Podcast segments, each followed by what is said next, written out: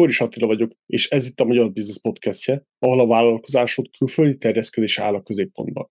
Remélem mindenkinek jól indult az 2024-es év, és már pörög a céges skálázása. Mi most vagyunk túl az első online szervezett konferenciákon, és készen állunk egy kis szabadságra. Azonban erre még várnunk kell, hiszen most a Nemzetközi Skálázás konferenciánk anyagait dolgozzuk fel, és tesszük elérhetővé a Skálázás Egyeteme menü alatt. A témákat, előadókat és a teljes programot megtekintheted a Skálázás Egyetemén a honlapunkon, a linket megtalálod a leíratban. A további részletekért iratkozz fel a salagmentes havi hírlevelünkre, és kövess minket rendszeresen a YouTube-on. Ennyi volt a szolgálati közlemény, most pedig vágjunk bele. Figyelem, pikán szavak is előfordulhatnak, ezért ha gyerek van a közeledben, tekerd le a hangerőt.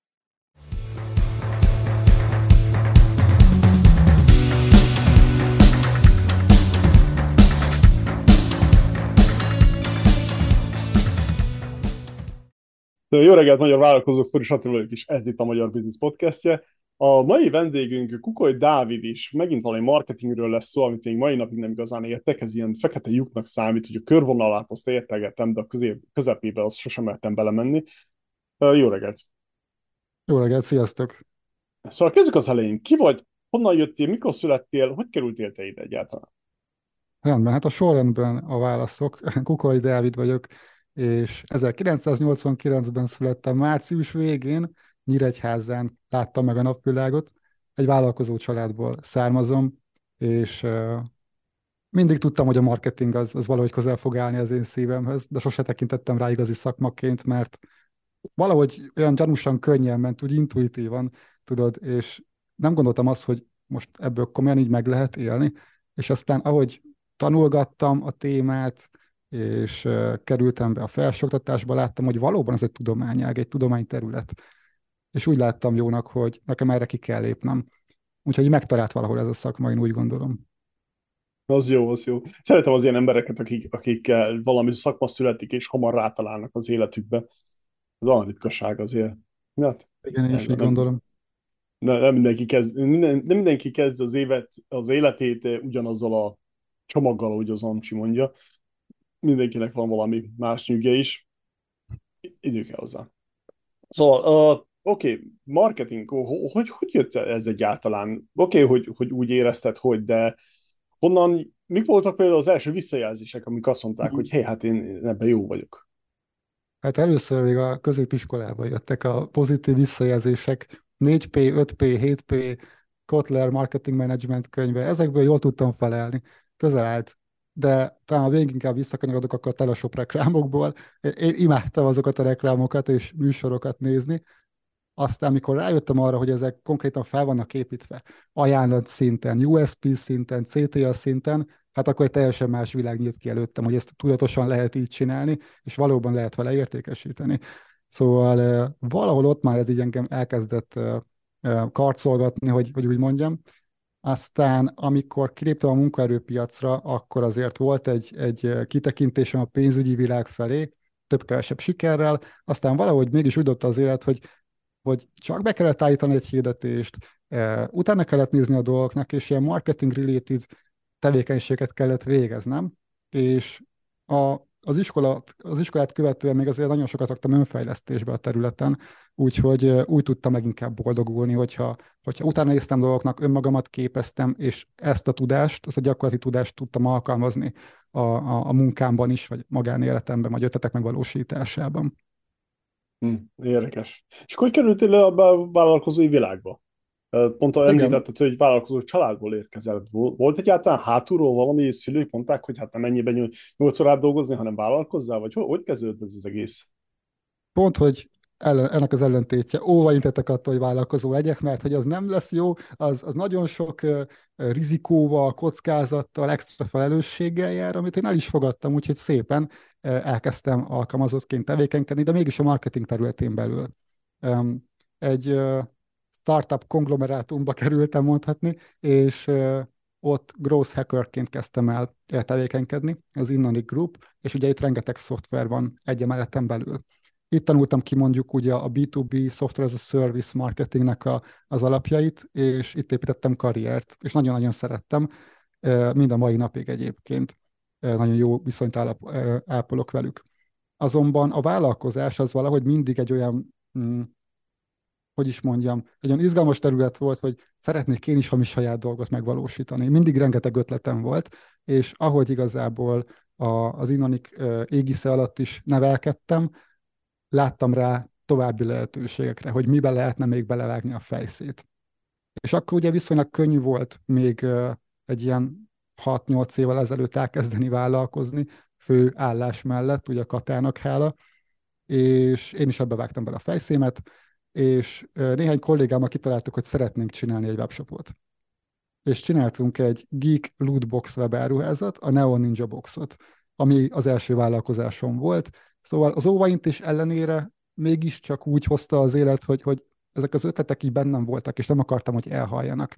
És egyre inkább pénzügyileg is megalapozott ötletek voltak ezek, szóval nem csak uh, love story és hát bevágtunk a legelső webáruházba. Uh, harmad magammal, és elindítottuk a, az ország első ilyen magyar geek lootbox uh, webáruházát. Miről szólt ez a, ez a webáruház? Uh-huh. Ennek a lényeg ez az volt, hogy külföldön már a Lootcrate és hasonló nagyobb uh, lootbox company azok már működtek, és rengeteg unboxing videó született uh, YouTube vloggerektől, uh, influencerektől. És jó magunk is a kollégákkal anim rajongók vagyunk, szuperhős témát nagyon szeretjük, képregényeket olvasunk, mint a mai napig, és úgy gondoltuk, hogy hát ezt mi is meg tudnánk csinálni itt Magyarországon. És összeállítottunk egy, egy demo pakkot, mondhatni, az első pilot projektet, és kiküldtük egy jó pár influencernek és videósnak, hogy mondják el a véleményüket. Ez pedig tök jól sikerült, szóval mondhatni, elővalidáltuk a terméket, majd azt követően mögé raktuk a webáruházat, és elérhetővé tettük azt, hogy ez rendelhetővé váljon.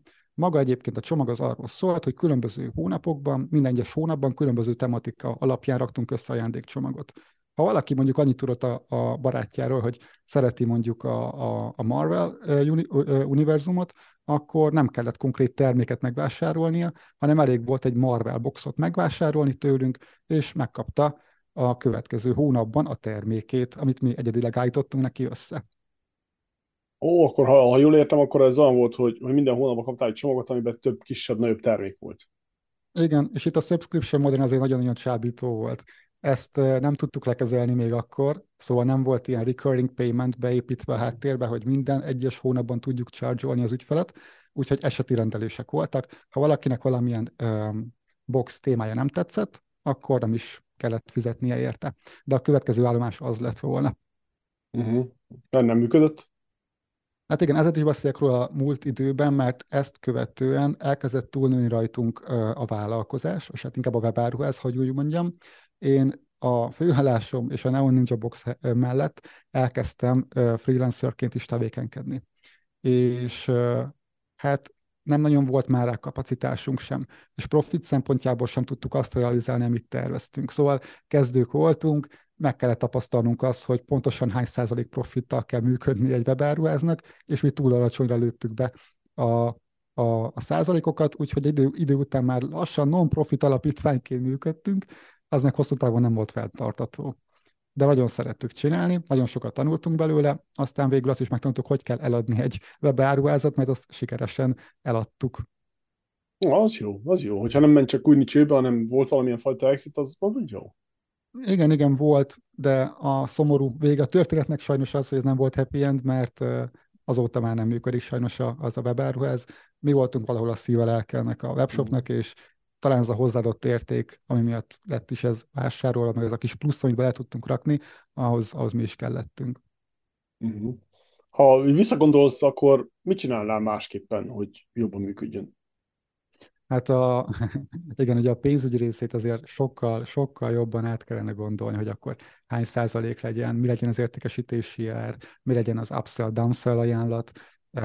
Sokkal hamarabb kezdtem volna bele a recurring payment megvalósításába, ami ugye webshop motorváltoztatás is hozott volna maga után.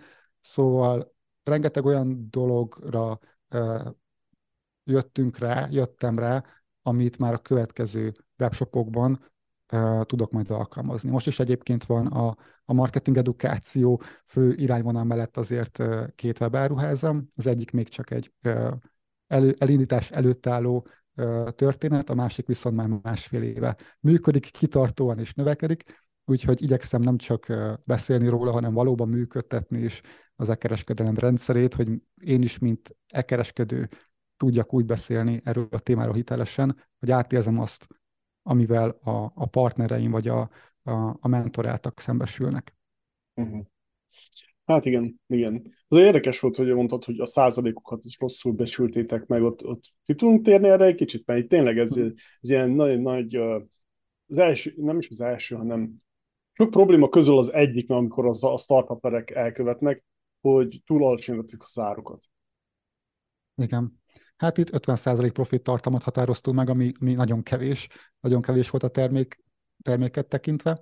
Már csak azért is, mert uh, euróban szereztük be a termékeket, euróban vásároltuk meg ezeket beszerzési áron, és hát igen, az eurónak az árfolyam is nagyot ugrott a 2018-hoz képest, ez a webáru, ez pedig 2018 és 2020 között működött. Ó, igen, igen. Hát igen, ez a váltásra is gondolkodom. Az nagy váltás volt. Az 50% profitot azt, azt hogyan határoztátok meg? Szóval mihez képest most bejött, megvetétek az árut, és akkor rátetétek az összes energiát, költségeket, és akkor plusz egy 50%-ot? Úgy kell elképzelni? Így van, igen, igen, igen. Mm-hmm. De azért felmerültek csomagolási költségek, raktározási költségek. Elsőleges szempont volt ennél a webáruháznál azért az, hogy tudtuk, hogy kell egy, egy minimális irodát legalább bérelnünk, legalább a raktározás és csomagolás tekintetében, és itt azért törekedtünk arra, hogy a forgókészlet az, az minél alacsonyabb legyen. Hát csak azért is, mert hát három srác voltunk, a, egy iroda, egy emeleten dolgoztunk, és azért nem olyan tőkével rendelkeztünk. Nem vett fel senki sem hitel, teljesen hitelmentesen működött ez a vállalkozás, mondhatni a saját kis megtakarításunkból raktuk össze, és ennek ugye a hátulütőivel együtt hát néha alulbecsültük azt, amivel ez járni fog. Mm. Hát igen, igen. Na, annyi baj legyen, szerintem ez a legjobb tanulópénz. Teljesen renge, pluszosan szálltunk kimondhatni, meg rengeteg élménnyel, de az a legfontosabb az az, hogy, hogy két jó baráttal, akivel egyébként pont három órával később fogok elmenni megizni, úgyhogy tartjuk azóta is a kapcsolatot, járunk moziba, és így kockulunk, hogyha, hogyha időnk engedi. Az jó, az jó. Ja, fontos azért az, hogy, hogy az anyagiak, ne, anyagiak meg az hétköznapi problémák ne rontsák el az emberi kapcsolatokat, hiszen én úgy tekintek az egészre, hogy ez az egész vállalkozás, ez csak egy, egy elmejáték. Meg számokkal kell tudni játszani, meg, meg bizonyos termékekkel, hogy na ezt ide tesszük, honnan veszük, stb. De inkább egy, egy élő monopolinak tűnik nekem az egész, mint, mint bármi másik. Szóval attól, mert csődbe mész, attól még nem kéne barátokat elveszíteni. Na, akkor van egy nagy vesztesség az egészben. Egyetértek. Hát igen. És ott például érdekes, hogy, hogy volt piac erre Magyarországon? Ilyen kicsi országban volt erre piac? Hogyan szereztétek ezeket az első hát nagyon subscribe-olókat kérdeztem, az első vevőiteket. Hogyan szereztétek meg? Igen. Influencer marketing before it was cool. Elsősorban. Ezt tetszik. Igen, itt azért voltak ilyen cold megkeresések a részünkről. Tudtuk nagyon jól, hogy kik azok a, hát én ugye marketingesként azért nagyon jól tudtam, kik milyen eléréssel uh, működnek, és felvettünk egy jó pár influencerrel a kapcsolatot. Volt, aki, aki teljesen ingyen elvállalta a videóforgatását, volt, aki fizetős volt, és itt tovább ez egyébként teljesen rendben van, de ezt fel kellett mérnünk. Ezek például nem tervezett költségek voltak, hogy akkor valakinek a, forgatási díját ki kell majd fizetni, de, de hát ilyen is volt. Um, és hát igen, alternatív grupok, például mm, például a Facebook csoportoknál volt egy jó pár képregényes érdeklődésű vonatkoztatású csoport, ott azért találtunk első, vála, első bátor early adopter usereket, akik megvásárolták a termékünket, úgyhogy még egyébként nem is tudták, hogy mi ez, még az első videót sem látták, annyit tudták, hogy ez egy zságomacska ebben és ebben a témában. És ez pont elég volt arra, hogy az első pár vásárlót megszerezzük. Ez nem volt egy óriási nagy biznisz, de azért voltak szép, szép időszakok, pláne amikor fel tudtunk ülni különböző hype-okra. Akkor jött ki az Avengers Infinity War, és ott azért, hát ott rekordmennyiségű rendelést tudtunk lebonyolítani. Hát igen, ott azért voltak érdekes pillanatok, izgalmas volt, sokat tanultunk, de próbáltuk ezt azért nem hirdetésből értékesíteni, de azért valamennyit hirdetésre is költöttünk persze. Itt a demand generation részben azért nagyon sokat fektettünk, hogy tudtuk, hogy ez egy olyan termék, ami, amire szerintünk van igény. Én, hogyha a vásárló oldaláról látnám ezt, akkor vonzó legyen számomra, és megfogalmazzam, hogy nekem ez bizony kell, ebből nem akarok lemaradni. Hmm. Hát igen, igen. Hmm. Érdekes, érdekes, nagyon érdekes. És akkor a, ez a hirdetéses témára miért nem akartátok hirdetésből finanszírozni? Mi volt ennek a gondolkodásmódja? Igen, tudtam nagyon jól azt, hogy a Facebookból érkező látogatók azok nagyjából milyen arányban konvertálnak. És hát végigszámolva az egyenletet, ki tudtuk hozni nagyon jó kis vásárló konverziós költségeket, szóval ilyen 4 kötője 600 forintért jött egy vásárló, azonban a mi profitunknak mondhatni, ez már majdnem a 10%-át felemésztette, és egyre drágábbá vált ugye a, a Facebook hirdetés is, nehezebb volt elérni ugyanazt a mennyiségű embert, és hát igen, korlátozott büdzséből dolgoztunk. Uh-huh. Hát igen. Igen, főleg, hogy utána, hogy nem volt mögötte meg az a, az a, az a feliratkozási rendszer, csak angolul jönnek a szavak, ilyen subscribe and save típusba, az úgy nem támogatta az egészet. Igen.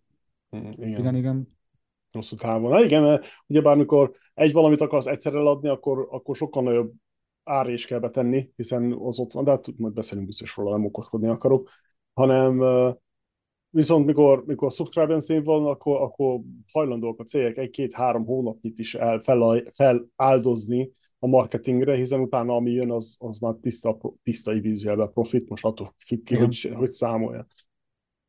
Én játékok, igaz? Játék a számokkal. Így van. Folyamat. Uh, Oké, okay, szóval volt egy jó exitetek. Uh, és utána? Hát jó, volt végül is papíron egy exitünk, igen. igen. Utána, ugye, mondtam is, a webshop biznisz mellett azért én elkezdtem freelancerként működni. Mm. Mondhatni ilyen kis egy személyes ügynökségként segítettem be uh, webáruházak marketingének a menedzsmentjébe, leginkább ez PPC területet érintette. Szóval itt, mint szolgáltató megjelentem és mint szolgáltató azért nem is nagyon realizáltam költségszámlákat, és sokkal vonzóbb volt, hatékonyabb volt, és szakmámhoz passzoló, passzolóbb, mecsibb volt mondhatni ez a, ez a terület, ahol tudtam tovább is fejlődni. Ugye én B2B uh, SaaS marketerként tevékenykedtem a főállásomban, és így, hogy a B2C-ben is tudtam segíteni, így azért eléggé komplex tudásra tudtam szerteni, őt később is tudtam használni. Igen. Igen, ugye bár ez fontos, hogy ne, ne, mikor túl fókuszált valaki, akkor, akkor az se jó, az a jó, hogyha kontextusban tudja tenni azt a saját szakmáját. Hiszen kicsit másabb a B2B-be, B2C-be, SARS, vagy platformot, vagy akármit, te fizikai termékeket izélni, úgyhogy elég komplex azért. Nem csoda, hogy az emberek nem akarnak marketinggel foglalkozni. Uh, Oké. Okay. Uh, és akkor hogy, hogy volt a mik voltak a következő lépések? Szóval freelancerre voltál, és? Uh-huh. Szóval a freelancerkedés az nagyjából akkor ért véget, amikor ugye a, a katát is uh, ebben a formában már elérhetetlenné tették. Szóval uh, a freelancerkedésnél én ott éreztem azt tavaly előtt, augusztus környékén, hogy kezdek kiégni benne. Egyrészt azért, mert főállásomban is ugye hasonló tevékenységekkel folytattam, és egy, és egy idő után már annyi partnerem lett, hogy már hétvégén is dolgoznom kellett. 2022-ben azért én azt gondolom, hogy nagyon-nagyon sokat dolgoztam, a főállásban ugye a 8 órát, és mellette naponta 2-3 órákat, és hétvégén is 4-6 órákat. Úgyhogy ott, ott én nagyon így működtem, amit nem szerettem volna azért hosszú távon fenntartani, viszont megerősödött annyira ez a, ez a láb, hogy elgondolkodjak egy, egy saját vállalkozás alapításán. És 2029, 2022. 9. hóban indult el a Fluid Digital Kft., és akkor hát igen, jeleztem a felmondásomat a főállásom irányába, ott még egy jó pár hónapig tevékenykedtem, segítettem, majd még egy három hónapos projektben is segítettem, szóval egészen 2023 harmadik hó végéig én, én ott vonati bedolgoztam, annyi különbséggel, hogy 2023. január 1-től már a saját vállalkozásomban tevékenykedtem főállásban. És nekem a tavalyi év az nagyon az útkeresésről szólt.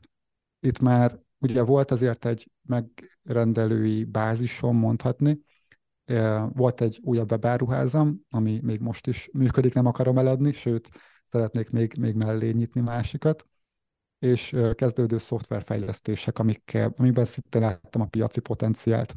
És a tavalyi évam az arról szólt, hogy, hogy útkeresés. Mit is szeretnék akkor valójában, mert elkezdett szét szertágazódni a fókusz.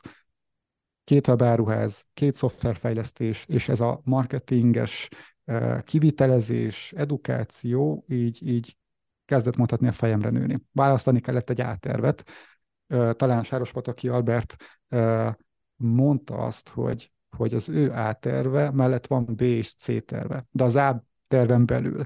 Szóval én is szerettem volna egy hasonlót, hogy az én saját A tervemet megfogalmazzam, amit hosszú távon szeretnék csinálni, és ami feltölt, ami, ami valóban én vagyok. És korábban már, már foglalkoztam azzal is, megbízásos alapon, hogy óraadóként segítettem a kereskedő a technikus fiatal felnőtteket, 18-22 éveseket oktatok marketingre bizonyos intézményekben, és ez nagyon megtetszett. Aztán éreztem azt is, hogyha a freelancer irányt, az ügynökségi irányt erősíteném, akkor tudnék egy ügynökséget is csinálni. Viszont az ügynökség és az edukáció kicsit más. Az ügynökség lineárisan skálázható. Minél több ügyfeled van, annál nagyobbra tudsz nőni. Akkor kell egy új kolléga. Ha megvan az új kolléga, akkor még egy új ügyfél bele fog férni. És ugye így szépen előre lehet haladni, nagyobb és nagyobb bevételek elérése érdekében. Az oktatás egy teljesen másik történet. Itt viszont mondhatni a, a, a vállalkozó személyek köré lehet építeni egy olyan bizniszt, ami akár hosszú távon is fenntartható és skálázható is. Nyilván az én időm is véges, de attól függetlenül olyan rendszereket lehet köré építeni, ami viszont skálázható. És nekem a nagy kérdésem az ez volt, hogy oktatás vagy ügynökség az én átervem, azonban hát egy, egy jó El Camino-t követően és egy, egy fél év tapasztalat alapján, és hát új tapasztalat alapján már benne voltam a saját vállalkozásomban, megfogalmaztam, hogy akkor oké, én beleállok, és akkor edukáció, marketing edukációval fogok foglalkozni teljesen átervként. Mm-hmm. Ez nagyon jól tetszik, hogy bár a, az a ez az idézet, amit mondtál, ez nagyon tetszett abba, abból, hogy nagyon sokan azt hiszik, hogy azért, mert van az embernek három-négy terve, az ki, teljesen különbözőek kell legyenek, egymásról távol kéne essenek, pedig nem.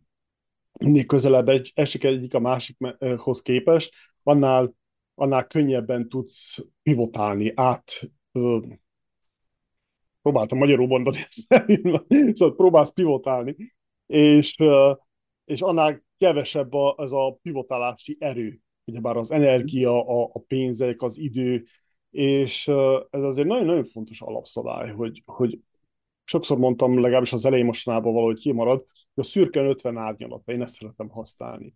Hogy a szürkén belül maradsz, az 50 vagy 100 árnyalatból válasszák ki hármat, négyet, ötöt, hogy mindig közelebb legyen egy másikhoz. Akkor, amikor beindulnak, akkor egymást erősítik valamilyen szinten. Ha persze jól van felépítve, és ez a céluk.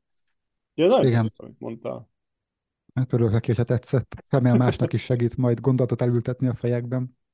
Igen, reméljük, hiszen az egész erről, erről szól, hogy hogyan gondolkodunk, ugye bár gondolkodás volt. A világban, mai világban már minden elérhető, főleg az internet mm. által annyi információ van, hogy világvége, és az egyetlen dolog, ami meg, megkülönböztet egyiket a másiktól, az az idő, pénz, és az, hogy hogyan gondolkodunk. Igen. Kb. ennyi. De attól, mert az egyiknek van, az egyikből kevés van, nem azt jelenti, hogy nem lehet megcsinálni. Szóval megint gondolkodás ez a, ez a lelke az egésznek. És a kérdés a következő az, hogy, hogy és akkor hogyan képzelted ezt az edukációt? Szóval az, hogy PPC-ből élsz meg, az, az evidens, az ilyen no-brainer. De az, hogy, hogy azt edukálni, azért oda kell egy bizonyos szintet tartani, kell tudni valami okosat mondani, főleg a mai mainstream-es össze-vissza világba. Ezt hogyan képzeled megvalósítani, vagy csinálod? Igen. Korábban vezetőként dolgoztam pont egy PPC szolgáltatás kiépítésén, ami sikeres bevezetésre került. Úgyhogy a PPC ez azért sok közön volt, az volt mondhatni a specializációm. Van ugye ez a T-shaped marketer elmélet, amikor van egy fő specializált irány, amihez ért a, a marketer, azon kívül, hogy minden más csatornát készségszinten tud használni. Nekem ez a PPC volt. És egy idő után ugye már éreztem azt, hogy, hogy fejlődnöm kell, viszont nem feltétlenül tudok fejlődni, hogyha ezen belül maradok. És elkezdtem ugye külföldi uh, tananyagokat olvasni, én is oktató videókat, konferenciákat uh, hallgatni, amiből sokat tanultam, viszont leginkább akkor tudtam fejlődni, hogyha benne voltam ezekben a, ezekben a uh, PPC kivitele, kivitelezésekben is. És a B2C irányt mondhatni a saját vállalkozásomban lévő webáruházban tudtam tovább fejleszteni. Ez a kamutetco.hu, ez egy lemosható, egyedi lemosható tetoválásokat gyártó webáruház, ahol fel tudsz tölteni tetoválás mintákat, és x darab számban meg tudod rendelni. Itt ugye B2C és B2B vonal is van, ki tudok szolgálni egy darabtól, akár több ezer darabig megrendeléseket. És itt, itt szintén tudtam olyan dolgokra rájönni, és megtanulni olyan, mm, mutatni összefüggéseket, amelyeket át tudtam adni másnak is. Úgyhogy nem árultam el igazából semmiféle üzleti titkot. Másoknak is, sőt, más freelancereknek is nagyon sokszor az a problémája, hogy elakadnak. Nagyjából ugyanazt a 6-8 tevékenységet végzik, különböző webáruházak vagy szolgáltatók részére, és nem marad már mondjuk idő arra, hogy ezzel a DevMark, ezzel a developer marketinges e, irányvonallal a hard skill-ekkel tudjanak foglalkozni, és tovább képezzék magukat. Én ezekre azért igyekeztem odafigyelni, hogy akkor hogy lehetne például továbbfejleszteni a marketinges tudását olyan irányba, hogy akár fejlesztőnek a beavatkozása is minimális. És ezek a, ezek a készségek szerintem egyrészt aranyat érnek a piacon, másrészt megtanulhatóak, hogyha megvan a biztos alap. Uh-huh. Érdekes. Igen, ugyebár a, a freelancereknél is ugyanaz a probléma, hogy mind a kis KKV-knál, vagy valami hasonló, vagy mikrovállalkozásoknál, hogy, hogy nem, tudnak, nem tudják felfogni azt, hogy skálázni is kéne, és azt, hogy hogyan. Ez a következő. Igen. Ez, ez nagyon fájdalmas pont, és, és ez tényleg sokszor próbáltam, és mentalitásban nincsen ott, nincs kinek beszélni, ez az igazság. Mert inkább gründölnek -e minden nap, elmennek, dolgoznak 10-12 órát, ha hazamennek, jól esik, hogy hát menjen, sokat dolgoztam, és, és kb. ez így, ez így ennyi az egész, Igen. pedig a mai világ ez nem erről kéne szólni. Igen. Hm, igen. És oké, okay, és akkor hogy, hogy, hogyan is kell ezt elképzelni, ezt, a, ez az edukációt? Ezt most csinálsz uh-huh. valamit magadnak, vagy, vagy csinálsz valamit uh, használsz egy meg létező platformot, vagy hogyan képzeled ezt, ezt el? És egyáltalán és mire fókuszálsz? Bocsánat, ez a legfontosabb kérdés, mert hátugrottam. Mire akarsz fókuszálni? Ugye a marketingből annyi van, mint a, világ, mint a tenger. Mégis mi az, ami, ami a fő célod, vagy a kereszt látókörbe van? Hát leginkább ugye ezzel a tudással, amivel rendelkezek, ezt, ezt megtanultam, hogy tudom átadni. Um, tanulható formában, hogy nem csak beszélek róla, vagy prezentálok ezzel kapcsolatban, hanem konkrétan azokat a tevékenységeket, amiket én folytatok, vagy amire szükség van, azt megmutatom, hogy kell csinálni. A szolgáltatásaim köre az edukáción belül két irányba tevődik.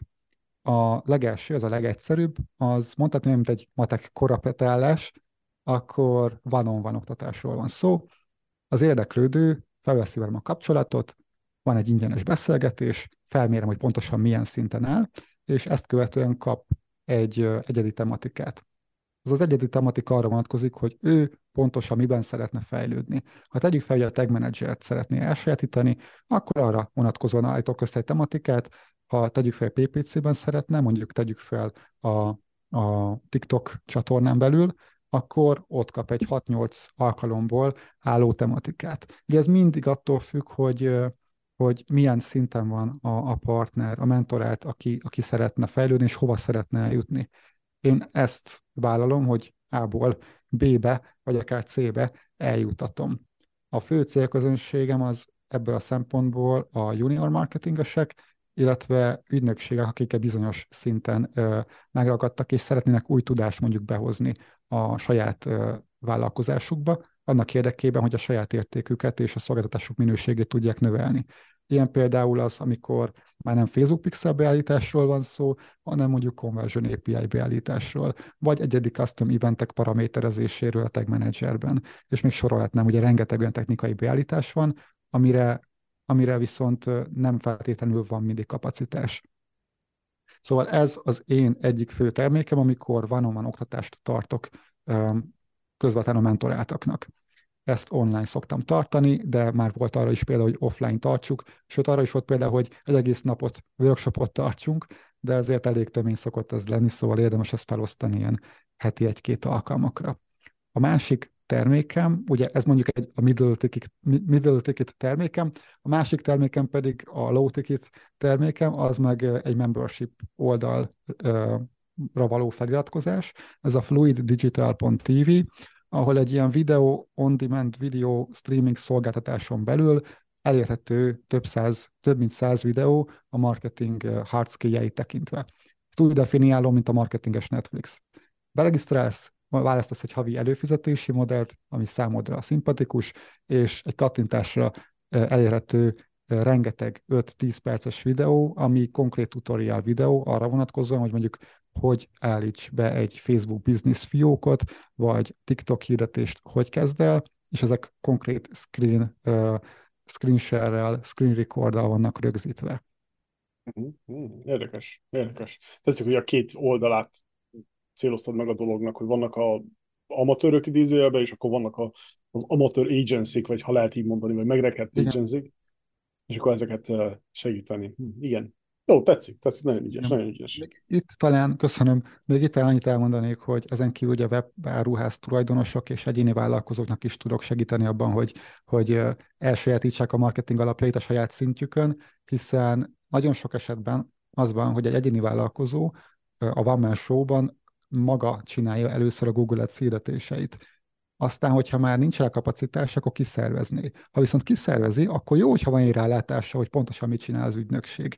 Szóval a saját uh, skillsetjét fejleszti azáltal, hogyha, hogyha, hogyha tud egy ilyenbe belevágni. És nekem is volt már tapasztalatom agency-vel, vagy egyéni vállalkozóval, aki a dugulás elhárítás területén tevékenykedik lokálisan, és elég, elég széles a range, hogy pontosan kik veszik ezt igénybe, de eddig, eddig mindenkinek tudtam segíteni, szóval jó véleménye vannak erről a szolgáltatásról. Nagyon jó. És akkor gondolom ezekhez is PPC-t használsz. Igen, az attól függ, hogy pontosan mi az igény. Ha mondjuk valaki úgy keres meg egy, egy, egy startup, hogy már pedig LinkedIn-t szeretné szétszkrépelni cold outreach kampányokhoz, akkor, akkor én abban is segítek nagyon szívesen. Igazából a saját tudásomat ö, tematikába szedem, és adom át úgy, hogy ez, ez emészthető legyen, és visszakövethető. Mm. De én örülök, hogy a LinkedIn ennyire kezd bejönni Magyarországon is, hogy, hogy mert az, az egyik legmegbízhatóbb social média hálózat. Kicsit késésből úgy tűnik, hogy tíz év késéssel, de jobb később, mint soha azt mondják. Ez az nem jellemző a magyar piacra, hogy legalább egy három-öt év késéssel érkeznek ide ugye az újdonságok. Nem minden esetben, de a legtöbb csatornát tekintve azért, amit már mondjuk a tengeren túlon, vagy mondjuk kicsit nyugatabbra használnak rendszeresen, azt még itt nem.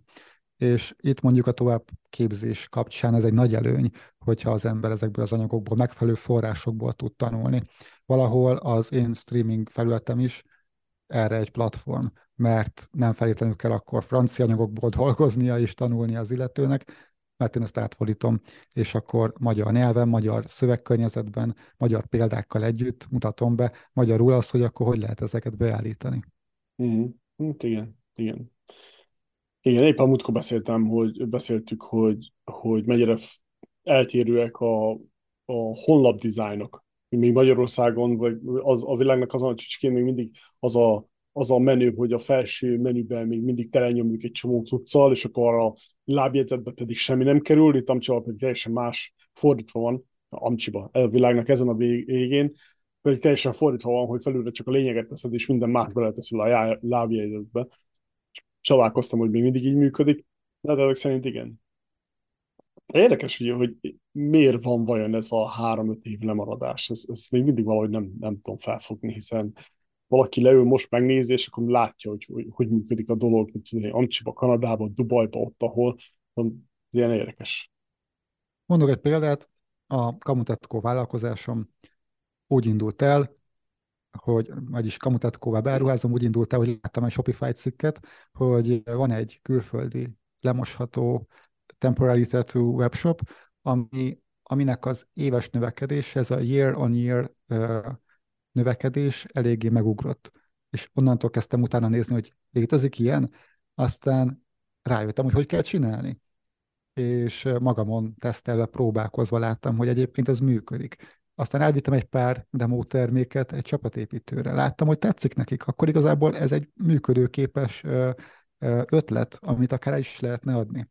Szóval, hogyha megfelelő forrásokból gazdálkodunk, és olvassuk, és fogyasztjuk ezeket, akkor hát meg lehet előzni ezt a három év lemaradást, és te kerülhetsz három év előnybe azzal, hogyha tudod, hogy mivel foglalkozz.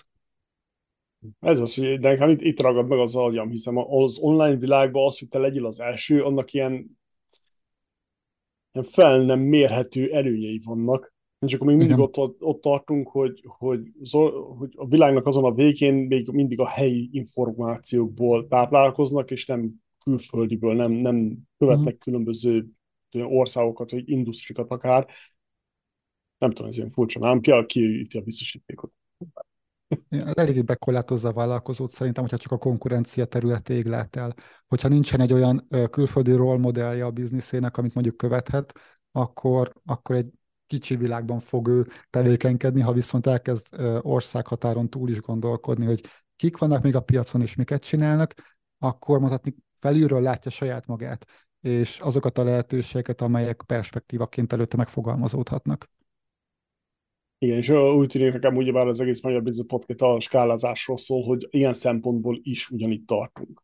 Szóval, hogy a gondolkodásmód az megragadott, hogy, hogy a konkurencia, meg most a helyi viszonyok, meg stb hogy mintha nem tudnák át, nem hogy átlépni, de legalább túl látni a következő két-három létrefokon.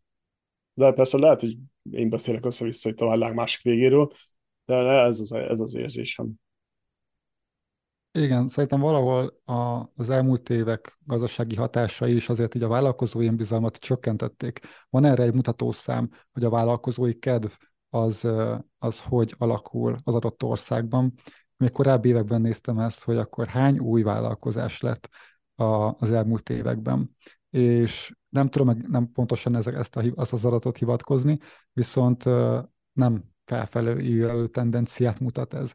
Egyre kevesebben vállalkoznak, vagy egyre, hogy mondjam, kevesebb olyan bátrabb, vállalkozó szellemű ember van, aki mondjuk a saját álmait akkor megfogalmazza és igenis megvalósítja. Cserébe viszont aki van, az annál tudatosabb, véleményem szerint. Igen, igen. Szóval annak ellen, mindennek ellenére vannak igenis magyar, nagy sikerű magyar sikertörténetek, ez furcsa mondat volt, akik tényleg ott vannak is, és jönnek is, mennek és káváznak, és itt vannak kint Amcsiba, Kanadába, Dubajba, Szingapurba, mm. nagyon, nagyon szépen pörgetik. De úgy tűnik, hogy ez is megint az kell, hogy valamilyen módon ne a helyi viszonyokból táplálkozunk már, mint információkat, vagy nem is tudom, mert sokszor az volt, hogy hogy ezek az emberek, ezek általában valamilyen, az életük folyamán kint voltak külföldön, és onnan van meg ez a, ez a rugalmasságú gondolkodásmódba. Igen. Érdekes. Én az előző munkahelyemen nagyon-nagyon sokat tanultam. Egyrészt megtanultam úgy dolgozni, hogy, hogy hatékonyan, fókuszáltan, és voltak előttem olyan vezetők, vagy akár cég tulajdonosai is, akik nap, mint nap ugyanúgy bejárnak dolgozni, és nagyon jó példát mutattak arra vonatkozóan, hogy hogy is lehet csinálni. Na, ők tipikusan azok egyébként, akik nem, nem határon belül gondolkodnak. És ez az inspiráció, meg ez az emberközeli hozzáállás és a fejlődéshez való hozzáállás, az, az nagyon át tudott ragadni az emberre. Rám nagyon átragadt legalábbis az ő lelkesedésük. Ez az, ez az, hogy az a lelkesedés, az azért, van másképp is beszélnek az ilyen emberek, olyan teljesen más az attitűdjük, olyan, nem tudom, érdekes, érdekes olyan, olyan tipikus lokál patrióta vállalkozókkal beszélek, ott, ott valahol, mintha lenne egy ilyen rezisztencia, hogy na, én nem megyek sehova, na, én nem csinálom, nekem ez így jó. Hm. Hát igen, nem vagyunk egyformák, és talán az a legnehezebb, hogy, hogy az ilyen emberekkel nem tudsz beszélni, szóval ne, nem, mintha valami kultuszban lennének benne, vagy és, és nem akarok rosszat mondani, tényleg csak az, hogy melyik, melyik hozzáállásnak, attitűdnek, gondolkodásmódnak mi, mi az előnye, illetve a hátránya. De az, hogy lokálpatrióta vagy, az például tök jó. Mindenki beszél magyarul, magyaroknak hatsz el, magyar információkból uh, táplálkozol, ez, ez ilyen no-brainer idézőjelbe. Mm. Uh, könnyű. De mikor egy amcsival akarsz valamit csinálni, és akkor webinárit, mit tudom én, délután kezdődik, a éjszaka van Magyarországon, meg nem tudom micsoda, szóval azért eléggé, ott elég sok a surlódás, és azt megérted, hogy azt az extra fájdalmat ki akarja bevállalni, mikor alapjáraton már fáj mindene. Igen, érdekes. Igen, nagyon sokszor az hozzáállás kérdése szerintem, de hát Magyarországon belül is lehet olyan, ezeket a role modelleket, én így tudom őket nevezni, e, ilyen követendő példákat találni magyar vállalkozók között is, akik abszolút előremutatóak. Mm, most, e, ha nagyon név szerint kell említeni valakit, akkor például Gál Kristófnak a, a könyve, a vállalkozóból vállalkozás, az nagyon egy ilyen gondolatébresztő volt. Őt még podcasten is követtem, és nagyon erősen hangoztatja azt, hogy a vállalkozó fejlesztésével maga a vállalkozás is fejlődhet. És ezt, hogyha az ember forgatja magában, hogy magát a vállalkozót hogy is lehet fejleszteni. Egyrészt ugye szakmailag, emberileg, testileg, lelkileg, ez mind olyan tényező, ami szerintem kihatással van arra, hogy később hogy fog a saját vállalkozásában is működni, vagy maga a vállalkozás hogy fog működni. Így van, így van. Szerintem nagyon sokszor az van, hogy azt látom, hogy maga a döntéshozók, ők a, a vállalkozások legnagyobb ellensége. Szóval nem a piac, nem a, mit tudom én, vírus, nem a nem tudom milyen járvány, nem a, mit tudom én, valamilyen háború, vagy, vagy akar, Isten tudja micsoda, hanem te, mint döntéshozó, hogyan gondolkodsz. Na, az fogja befolyásolni az egész cégedet, hiszen olyan embereket fogsz felvenni, mindenki ugyan az, azokat az embereket vonzza magához, amilyen ő. És akkor, hogyha ilyen konzervatív helyben gondolkodó valaki vagy, akkor hasonlókat fogsz felvenni, nagy valószínűséggel persze ez nem, ez nem aranyszabály, de többség az, az ilyen lesz, és akkor ilyenekkel pedig nagyon nehéz tényleg skálázni, külföldre menni, külföldi információkat beszerezni. Ja, lényeg az egészben az, hogy szeretnék minél több magyar céget látni itt kint Amcsiba, úgy, hogy Magyarországon termelik meg azt, amit, de egyszerűen külföldön értékesítik. Ez, ez, ebbe, mm. Én ebben látom a mai világnak a, a keresztmetszetét, a, a, főleg a magyar vállalkozók szempontjából. Tehát ez viszont kell gondolkodásmód, meg vérapucánkba, ha lehet így mondani? Igen, meg szóval valahol tapasztalat is, mert nyilván nem indul neki az ember annak, hogy akkor van egy ötletem, és egyből akkor ezt amerikai piacra fogom launcholtatni, mondhatni. Nekem itt egy ilyen releváns kapcsolódásom az egyik szoftver, amit, amit a vállalkozáson fejleszt, fejlesztetett, igen, másokkal. Szóval van egy fejlesztő cég, aki ezt létrehozza, az én iránymutatásom által. Én ugye az üzleti lehetőséget látom benne, és ez lényegében egy, egy konferenciák számára hasznos alkalmazás. Lényegében a konferencián lévő kiállítók tudják beolvasni egy alkalmazás segítségével a konferencia résztvevőinek adatait nem kell névegykártyával szórakozni, azokat utólagosan adminisztrálni, elég egy pittyentés, és akkor tömegesen tudják ezeket az adatokat kezelni, CRM rendszerekbe bekötni, és így tovább. Na ezt az ötletet e, magyar piacon validáltuk, működött. E, már harmadik éve megrendelői e, ennek a szolgáltatásnak egy nagyobb rendezvény, hazai kereskedelmi rendezvényről van szó, hogy ezt a piacot ismerem. Azonban, ahogy ez e, létrejött, azt követően egyből akkor megpróbáljuk ezt külföldön. És e, ha ez Magyarországon működött, akkor máshol is valószínűleg fog működni. És mit ad Isten, Ausztráliában volt három értékesítésünk is a tavalyi évben. Úgyhogy semmilyen, semmilyen e, személyes kapcsolatom nem volt az ausztrál piaccal. És most szintén nyitunk egy másik ország felé, nyilván itt azért meghatározott marketingeszközök segítségével, de ez egy tipikusan olyan belépő volt, hogy ezt viszont nem próbáltam volna először külföldön ki, de úgy, hogy volt egy magyar sikerélmény és tapasztalat, akkor onnantól kezdve nem akartam fókuszálni csak a magyar piacra, hanem ha ez nyelv korláttól függetlenül is tud értéket teremteni máshol, akkor miért ne teremtsen értéket?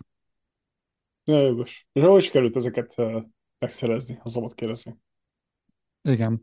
Hát a, magyart azt, hát igen, aktív cold outreach kampányokból, és ugye személyes találkozásokból, ajánlásokból, a, az ausztrál ügyfeleket ott LinkedIn scrape volt, szóval egy LinkedIn adatbázist e, tudtam Gross Hacker tapasztalat alapján szépen leszedni, és ott szintén cold outreach kampányok mentek ilyen masszív mail formájában, aztán azt elkezdtem personalizáltá tenni, egy ilyen több lépcsős automatizációt beépíteni, hogyha van egy LinkedIn kontaktom, tegyük fel egy event organizer, aki nekem potenciális célközönségem, akkor őt nem csak egyből uh, be connection requestelem és ráírok, hogy kell neked ez az app, nem erről van szó, hanem szépen lassan mondhatni, ilyen long race-ben virtuálisan simogatjuk egymást, azaz megnézem a profilját, lájkolom azt, amit kirak, megy a connection request, megy egy személyes üzenet,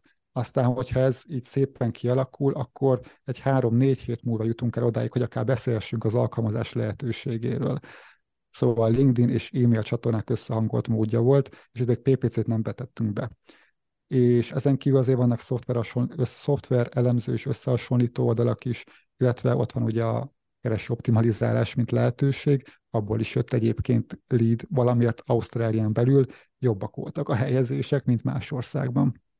Hm, igen, igen tetszik azért, hogy az egész, megint ott tartunk, hogy, hogy gondolkodás, hogy anna mi lenne, hmm. hogyha, és akkor ugyanazokat az eszközöket használtátok kicsit másképpen, más nyelven természetesen, Igen. de nem lehetetlen. Ez tetszik nem. azért.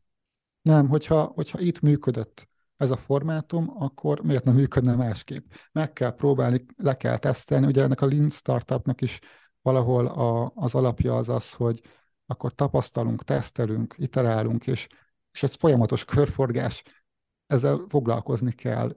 És lehet, hogy valami, valami lyukrafutás lesz, de hogyha az ember elég kitartó, akkor, akkor szerintem sikeres is lesz, hogyha a termék is jó. Igen, igen. ja. Érdekes, érdekes, nagyon érdekes, de tetszik, tetszik. Um, Oké, okay, a következő, amit, következő nagy témánk, ugyebár kezdjük, üssünk itt a, bele a közepébe, mi, mi ez a marketing? Hogy, mm. hogy eszik, iszek, kinek való, milyen része kinek való, ugyebár te a PPC-be vagy inkább járatos, de ugyanúgy látjuk, halljuk, hogy LinkedIn-nel is kacérkodsz.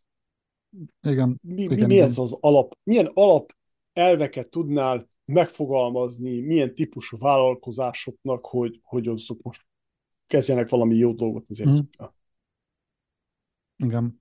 Amikor marketingről van szó, akkor nagyon sokan ugye a marketing szó hallatán a hirdetésekre gondolnak, mm, hát nem véletlenül asszociálnak erre, de azért itt meg kell kicsit állítani a dolgot, hiszen a marketing az egy sokkal korábban létrejött szakma és gondolkodásmód is egyben szerintem, mint megjelent volna mondjuk a, a PPC hirdetés a világban. Szóval, hogyha visszakanyarodunk a, az elejére, akkor a marketing lényegében, és véleményem szerint, ez nem szakmai terminológia, hanem, hanem egyszerű vélemény, hogy az, valami olyasmit jelent, hogy hatása vagy azokra az emberekre, akik számodra olyan tevékenységet tudnak folytatni, ami üzletileg akár nyereséges is lehet. Ez nagyon szabad megfogalmazás de a marketing az, az, az üzenet hatásos becsomagolása a célközönség számára. És ebből, ha kiindulunk, akkor azért át tudjuk fogalmazni azt, hogy, hogy akkor az én termékem hogy is válik eladhatóvá. És akkor felmerül a sales is. Rendben van. Akkor a marketing és a sales valahol kéz a kézben járhat egymással. Igen ám, de azért mégis e, ez egy, ez egy két külön szakma. Egy jó CSS nem jó marketinges feltétlenül, és egy jó marketinges sem tud jól szélszelni. Én például mai napig is fejlesztem magam az értékesítésben, mert az, az egy más habitust e, igényel, meg más gondolkodásmódot. A marketing azért az megfoghatatlan ettől egy kicsit. És akkor, ha most a napjaink marketingére gondolunk, akkor, akkor ugye jönnek a hirdetések, social media csatornák ezt én inkább úgy definiálnám, hogy az, az online marketing világa, az valahol az online marketing csatornák és eszközök összessége. Én általában hat fő kategóriát szoktam felsorolni, amihez egy online marketingesnek ö, ö, értenie kell. Ilyen a kereső optimalizálás, e-mail marketing, a hirdetések, tartalommarketing, social media és az egyéb csatornák, amivel bármi bele tartozhat. Szóval eléggé széles rétű skála, az, hogy ki mihez ért jobban, mi áll hozzá közelebb, az egy másik, az egyszerűen szubjektív irányvonal. Ha viszont azt szeretné egy cég, hogy az ő marketingje jó legyen, akkor itt azért ezt kontextusba kell helyezni. Ez a cég mivel foglalkozik? Milyen célközönsége van? Azok hol érhetőek el? Mert hogyha ezeket a válaszokat tudjuk, akkor le tudjuk szűrni ezeket a csatornákat. Lehet, hogy mondjuk egy szolgáltató szektorban tevékenykedő nagyvállalat számára nem lesz jó csatorna a TikTok. Akármennyire most az trending és hype, azzal nem kell majd foglalkoznia. Viszont számára lehet, hogy a, a keresőoptimalizálás egy sokkal jobb csatorna lesz. Ez szerintem teljesen egyedi, hogy kire milyen szabott ö, ö, marketing csatornák érvényesülnek, és kinek mi lesz a hatékony. Éppen ezért én nem is tudnék hirtelen ökölszabályt mondani, hogy milyen egy jó marketing. Hát talán az, ami a legjobban működik. Igen, igen, ami a leghatékonyabb, ami a leghatékonyabb, és a legtöbb értéket teremti. Igen, ugye már könnyenek, könnyének hangzik, de hogy az, az, az, a lényeg az, hogy tudd meg, hogy hol vannak a vevőid, vagy az ideális vásárlóid, Igen. milyen csatornákat használnak, milyen információkat uh, fogyasztanak, és nézd meg, hogy a jelen pillanatban mi, mi az, ami működik. Igen, és akkor vagy azt követed, vagy teljesen más valamit kitalálsz. Igen, igen, hogyha tudsz rájuk hatással lenni, és úgy bemozdítani őket, hogy egyrészt megragadja a fejükben, tudják, hogy te ki vagy, mert tudják téged különböztetni, akkor az a nagyon jó elinduló pont. Ha el tudsz odáig jutni, hogy akár ők látogatóvá válnak, vagy vásárlóvá, vagy a te terméked iránt potenciális partneré, akkor igazából már a siker előtt állsz. Igen, azért nem olyan bonyolult ez, mikor így bele, belefogunk, csak akkor bonyolult, mikor az ember nem tudja, hogy milyen kérdéseket tegyen fel.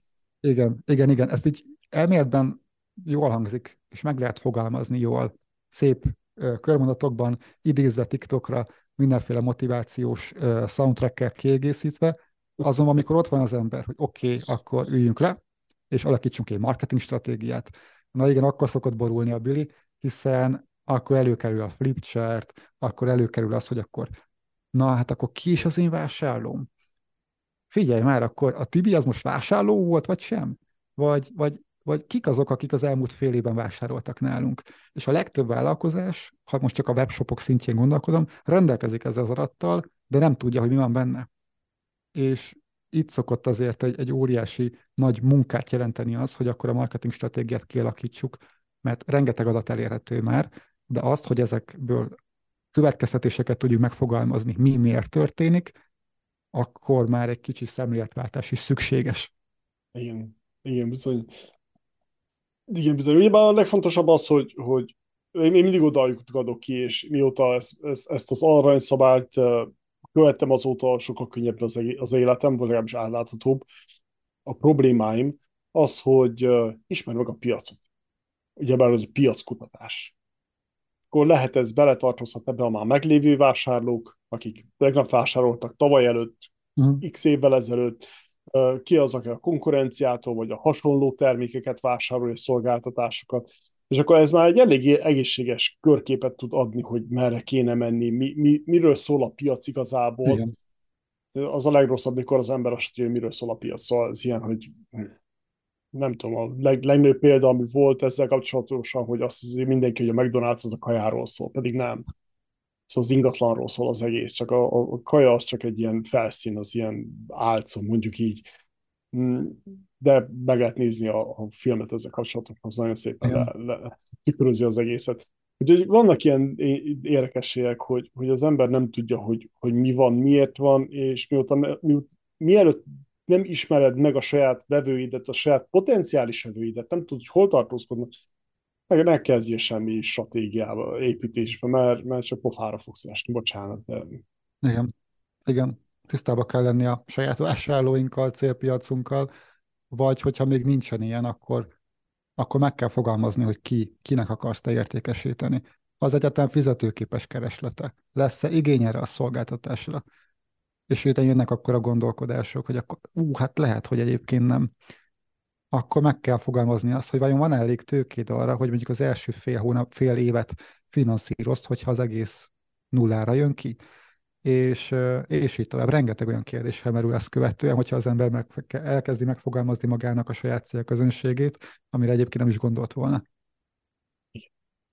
Igen, bizony, igen, bizony, és ez innen kezdődik az egész, ugyebár az, hogy mi van most, és hova akarsz uh-huh. kerülni. Ez a igen. vízió. Víziónak a része ugyebár az, hogy, hogy megtudod, hogy ki az ideális vásárlód.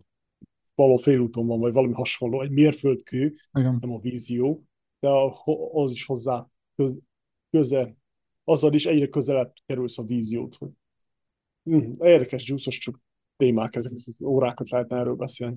De beszéljünk inkább, inkább rólad. Um, Oké, okay, és akkor például milyen tanácsot adnál egy, egy kezdő vállalkozónak, uh-huh. hogy, hogy mire figyeljen oda, vagy mikor mit használjon, vagy milyen kérdéseket tegyen fel? Uh-huh. Marketinggel kapcsolatban természetesen.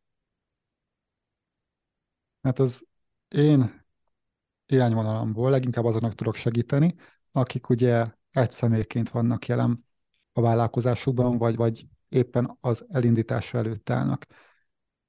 Szerintem az elmúlt 10-20 évben rengeteg anyag született arra vonatkozóan, hogy hogyan indulj el, mint vállalkozó, hogy, hogy kezdj bele a vállalkozásba. És a legelső tanácsom az az, hogy járt körül a témát, mindenképpen tájékozódj. A második tanács meg pont ezzel kicsit szemben megy, hogy ne készült túl, hanem kezdje bele. Mert elolvashatsz, elolvashatsz rengeteg cikket, de ennek valahol saját önkorlátozásod is lehetsz, hogyha, hogyha túl akarod készülni. Leginkább akkor fogod tudni megtapasztalni, és a legtöbbet megtanulni, hogyha, hogyha akkor kiváltod az EV adószámot, és akkor belevágsz ebbe a szolgáltatásba. Akkor jönnek az elméletből a gyakorlati tapasztalatok. Szóval elsősorban járt körül a témát, készülj fel, tájékozódj. A második tanács pedig az, hogy kezd bele. Kezd bele, és, és indulj el, csináld. Jó. Egyszerűen hangzik, igaz? Egyszerű, egyszerű tényleg, de amúgy ez ennyi. Tényleg, ha megvan, megvan a, a, az ötlet, megvan utána az adminisztráció maga, ugye, ami, ami, ami, ami, amit igényel az, hogy vállalkozásba kezdj, akkor utána már csak csinálni kell. És kapsz választ a piactól, hogy ez jó-e vagy sem. Ez zárójeles tanács lehetne még talán az is, hogy legyél türelmes azért magaddal. Én ezt mindig tanulom. Én azért nagyon türelmetlen vagyok, és sok esetben azért sietetném a dolgokat. Viszont így maga a vállalkozás mondhatni, mint egy kapcsolat azért türelemre tanít, hogy ha kicsit bele tudok lazulni abba, hogy akkor igen, ennek van egy érettsége. Nem lesz egy high-ticket ügyfelem két hét alatt. Az lehet, hogy két-három hónap lesz és nem szabad ezeket elsietni. A türelmet meg szépen lassan megtanulja az ember vállalkozóként is szerintem. Igen, az biztos, az biztos. A vállalkozás az kihozza belőle az összes jót és rosszat.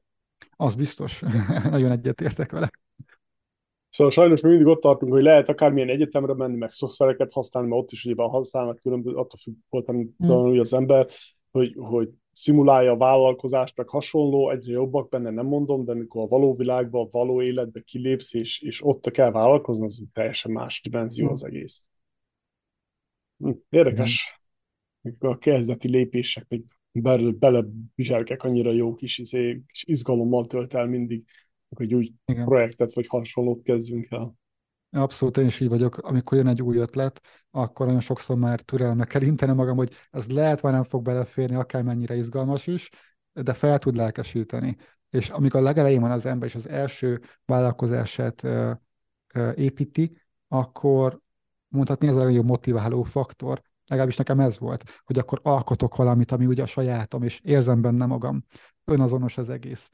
És ez ugye túlmunkához is juttathat, szóval ki lehet azért ebben égni, de amivel ez jár, az a, az a plusz, az az öröm, az a joy, az, az nekem nagyon erős volt, én, én ezért nagyon-nagyon szeretek ebben a formában vállalkozni és működni, mint vállalkozó, mert a szabadság mellett megvan az a, az a belső indítatás és e, intuitív, nem is tudom mi, nagyon nagy, hát ugye a flow állapotot szokták ennek nevezni, szinte majdnem mindig abban vagyok, ha nem is teljesen mindig, nem 0-24, meg vannak nehezebb napok is, és lesznek is, de nagyon sokszor át tudom élni. És ez, ez meg boldoggá tesz. Igen, igen. Az biztos.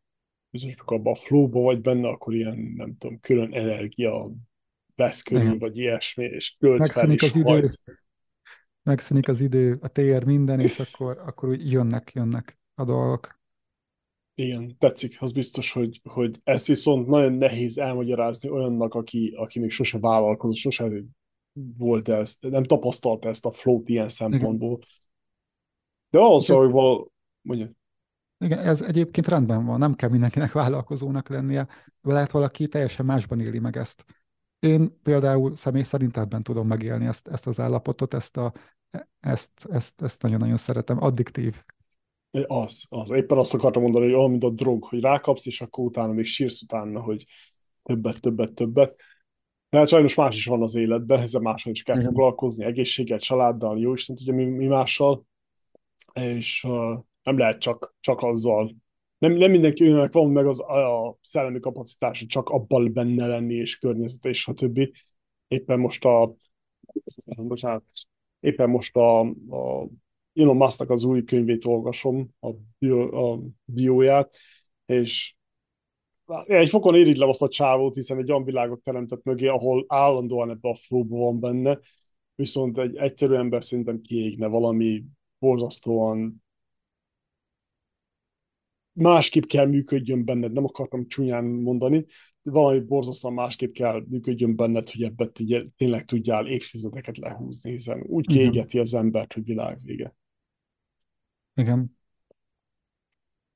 Hát egy ilyen plusz tanács ebbe az irányba, ami már igazából szerintem inkább így saját tapasztalatból származik, és nem az elindulást segíti, hanem a, a benne maradást, és a hatékonyság fenntartását, az az, hogy az ember azért magát is kell, hogy fejlesz emberileg, lelkileg, testileg. Mert ahogy korábban is mondtam, hogy a vállalkozó személynek fejlesztése ugye a vállalkozást is fejleszti. És hogyha valaki ezzel nem foglalkozik, akkor ugye a vállalkozásban sem fog tud hatékonyan működni. És itt bármire lehet gondolni. Lehet egy jó könyv, lehet egy, egy sauna szeánsz, lehet egy, egy, egy elvonulás, vagy bármi más, ami, ami hozzáad az emberhez, ami visszatölti őt magát, az, az előre tudja lendíteni őt, mint vállalkozó is. És személy szerint például meditációt rendszeresen végzek naponta. Miután a munkát lerakom, akkor igyekszem abból a kontextusból is kiragadni magam az elmém, hogy akkor ne azon gondolkodjak este, hogy ú, még azt lehet be lehetne állítani, vagy az még lehet egy jó ötlet lenne, vagy kellene egy új üzleti terv vagy ötletre, vagy akármi más, hanem van egy 15 perces session, és akkor kiragadom magam abból az állapotból, lelazulok mondhatni, és ezt, ezt a kis rövid meditációt minden nap elvégzem, és ez nagyon segít korlátok közé rakni így a mindennapomat, mert így nem az van, hogy akkor 8-tól 8-ig dolgozok, hanem akkor szépen 5-6 között lerakom a munkát, ahogy éppen esik, ahogy éppen végzek, és ki tudok lépni a magánéletembe, ahol viszont akkor főzök mondjuk, hogy elmegyek edzeni, vagy valami olyan foglalkozok, ami, ami ezzel teljesen, teljesen más. Igen, bizony, igen, bizony, sokan, nagyon sokan, főleg a fiatalok elkövetik azt, hogy go, go, go. Állandóan hmm. csak mennek, éjszaka közepén felkelnek, ú, itt van egy ötlet, itt van egy probléma, leülnek, dolgoznak. Működik egy ideig, óráig, de hosszú távon kiég az ember. Igen, az nem fenntartható szerintem, hogyha valaki 5 órákat alszik, és napi 5 kávét iszik, azzal a hatékonyság, akár is nézzük, a végén már nem lesz előrébb. Igen, és a személyes tapasztalatból mondom, hogy mikor elérsz egy ilyen szintet, utána sokkal több idő kell, hogy helyreálljál. Mikor megcsomulsz a munkától, akkor utána viszont fú, nagyon nehéz helyreállni, pihenni, egyzeni, sétálni, akármit, és, és utána leülsz, és még, ah, még mindig nem érzed, de csak csinálni kell, nagyon rossz, nagyon rossz. Hát megint az, nem, nem tanítják ezt, hogy mennyire oda kell figyelni, hogy ez ki legyen egy, egyensúlyozva. Sajnos ezt nem tanítják. Hm. Igen, mindig azt mondom, hogy pénzből lehet több, viszont időből nem. És a saját energiaforrásodra is lehetne úgy tekinteni, mint idő. Hogyha esetleg valakit könnyebb megbízni, de drágább megbízni egy feladat elvégzéséért, akkor lehet, hogy mindig jobban jársz, mert azt a pénzt vissza fogod tudni termelni, de a te saját idő és energiaforrásodat viszont nem. Úgyhogy foglalkozni kell azzal, hogy az ember visszatöltse magát, és, és egy munkanap az ne 10-12 órából álljon, hanem 6-8-ból. Ha ott bele tudja rakni a maximumot, akkor azt a következő nap is bele fogja tudni rakni, és még a végén boldog is marad. Így van, és tud, van ideje magával foglalkozni, egy, egy könyvet olvasni, egy konferenciára elmenni, egy akármi.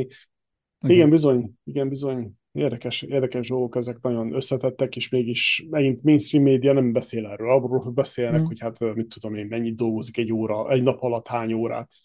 De arról már nem, hogy, hogy ez mennyire fontos. Igen, olvastam pont egy ilyet, hogy most már nem az a flex a startup piacon, hogy ki mennyit dolgozik, hanem hogy ki mennyit alszik. Ha valaki minél többet alszik, akkor ő annál mondhatni eredményesebb, sikeresebb, hatékonyabb. Ezt még itt nem tapasztaltam volna. Igen. Igen, bizony van az a, az én hozzáállásom az, hogy az idő az, az igen nagyon fontos, hiszen mindenkinek 24 órából áll a nap, viszont a szellemi energia. Uh-huh. Ez, ami, ami, ami igazán hatékonyá teszi az ember. Ezen megint saját személyes tapasztalatomból tanultam, hogy sokszor volt az, hogy leültem, volt három órám azt a valamit megcsinálni, az egyik héten három és fél órába telt, másik héten pedig egy órába. Uh-huh. Mert szellemileg ott voltam, abba a zónába, flowba, izé, mindent ki tudtam zárni, csőlátásom volt, és csináltam, és nem szakított meg senki, és akkor az ilyen, de hát ez, ez viszont még nem, szerintem még nem tudunk, nem jutunk, nem vagyunk ott, hogy ezt repetitíven tudjuk produkálni ezt a zónába lenni, hiszen még mindig nagyon sok kérdés van ezzel kapcsolatban, hogy az, az emberi agy hogyan működik, és még ezt nem, nem, nem találjuk meg, addig viszont csak gyakorolni kell, és kitapasztalni saját magadnak. Igen, bele kell néha, be kell néha vállalni azt, hogy az ember akkor ember, néha túlcsordul a dolog, de nem is az a baj, hogyha időről időre megtörténik, mondhatni ez a, ez a, ez a túlmunka, vagy a, a túlhajszoltság, az a baj, hogyha ezt az ember nem veszi észre. Hogyha észreveszi, hogy ú, most egy rossz uh, vágányon vagyok, akkor meg tudja állítani. És emberek vagyunk, így hibázunk. Persze, ebből fogunk tanulni leginkább. Senki sem úgy kezdi el a vállalkozását, hogy akkor time blocking módszerek, pomodórót alkalmaz, hanem gyakorol, kitapasztalja, hogy neki mi működik. És egy idő után, hogyha ez az ő uta, akkor viszont akkor, akkor meg fogja tudni majd fogalmazni, hogy neki hogy lesz ez jó. Nekem az volt a legnehezebb, hogy megtaláljam, hogy mi az, amivel ezt a túlhajszolás vagy kiégés meg tudom blokkolni és könnyen helyreállítani. Mm. Szóval ez az, ami szerintem egy másik nagy kérdés, hogy, hogy mikor elkerülsz oda, akkor és, és a sok, sok lehetőség közül, meg tanács közül mi az, ami neked működik. Mm. Tehát ez is megint nem vagyunk egyformák, van, akinek ez működik, van, akinek az működik, van, aki mit én, beül egy szaunába, van, aki leül és számítógépezik, valami játékot játszik, úgyhogy kinek mi kapcsolja ki, kire mi hat. Téged mi, mi kapcsol ki? A, a séta. Séta. Séta, és valami jó minőségű, nem jó minőségű, ez így rossz, magas szintű uh, hangkönyvet, hangos könyvet hallgatni. Aha. Ez, ez az, ami, igen, ami elgondolkodta, elvonja a figyelmemet, és segít ki mozdítani a, a, az ilyen szűk látásból, és akkor csak kinyitja a világot, hogy ú, és akkor ezzel most mit csinálunk? Ezt lehet csinálni, nem lehet csinálni, és akkor az, ez az eltávolodás a, a szürke hétköznapi picsipácsi dolgoktól, ez az, ami, uh-huh. ami általában működik, de mostanában ugyebben hidegben beütött a tél, és a, a sauna, sauna az, uh-huh. ami, beülök, és akkor maximumon egy órát, mikor túlhevülök, akkor becsobbanni a medencébe, vissza a szaunába, ez, ez viszont megint így lelassítja az, az, az időt, ezt nagyon tetszik, ilyen, tényleg, mintha eltelik 10 perc, és mintha egy óra eltelt volna, és mondom, mi van, csak 10 perc telt, ez, ez szóval nagyon élvezem. De ennek ellenére nem tudom mindig produkálni. Ja. Én is mutatni kiizadom azokat a gondolatokat, amik bennem maradtak. Vasárnap esténként mindig azzal zárok, hogyha tehetem persze, hogy akkor sauna. Igen, igen. A másik, ami jó, csak az, az viszont eléggé költséges lehet, az, az ilyen, ez ilyen deep tissue masszázs. Amikor, amikor a, az, nem tudom, hogy, hogy mondják magyarul, mikor a, az izmaidat úgy jó, jó mélyen uh, megmasszírozzák, hogy felpesdíti a vér, el is lazítja, Aha. Na, az viszont az olyan, hogy, hogy fájdalmamból visítok, és akkor valószínűleg attól úgy elvetkezem az és De hát az, az, az fájdalmas is, és a drága is, úgy. az, az csak néha, néha, néha. De a sauna és a, a víz, a hideg, hideg, hűvösebb víz az, az ami nagyon érdekesen hat az emberi agyra. Te gyúrsz? Járok edzőterembe, igen, igen, mm. rendszeresen. Hát ez változó. Most ugye hideg idő van itt január 16-án, úgyhogy most ez, ez a program, ez az edzés forma vált be. Viszont ahogy jön a jó idő, akkor szeretek futni. És akkor szintén hangos könyvek, fel voltam iratkozva, fel vagyok iratkozva különböző hangos könyv platformokra, és akkor azokat hallgatom. De van, hogy csak egy podcast, egy, egy mondjuk egy, egy teljesen populáris podcast hallgatása lesz az, ami, ami éppen kikapcsol. Ez is teljesen benne van.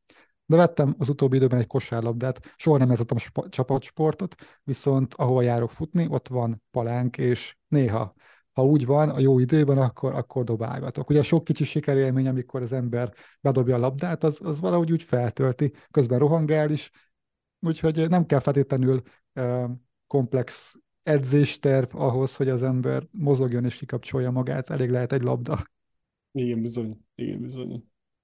Én a gyúrásról jut eszembe, hogy még hajdanában, amikor rendszeresen jártam gyúrni, és bírta is a, a, az inaim, meg az izmaim a cuccokat, akkor, a, akkor eljutottam oda, hogy nagy súlyokat emelgessek, Aha. az volt még egy ilyen, az, az kiszívta az összes energiát belőle, és hazamentél, és akkor á, élő halott voltál, de az még ez ilyen lazító akármi volt. Miább ezek a kura hormonok, ezek olyan sokat tudnak segíteni és ártani is egy ilyen együtt. Igen. De tényleg ez, kinek mi felel meg, és ezt megtalálni. Ez, ez szerintem az egyik. Én nagyon-nagyon szeretek még időszakosan elutazni e, több hétre, hogyha tehetem. Ez igazából tavaly indult nekem. Úgy is terveztem a, a munkát, hogy el tudjak menni több hétre, de jött velem a laptop is. Szóval úgy megyek el, hogy azért valamilyen szinten vállalkozói minőségen fennmaradjon, és tudjak akár oktatást tartani de az egy ilyen standby üzemmód. Szóval nem szakadok el teljesen a, a külvilágtól, és hát az itteni világtól, csak egy kis időre. És ezeknél az utazásoknál azért három-négy hét szokott lenni, akkor ebből nagyjából a felét dolgozom is.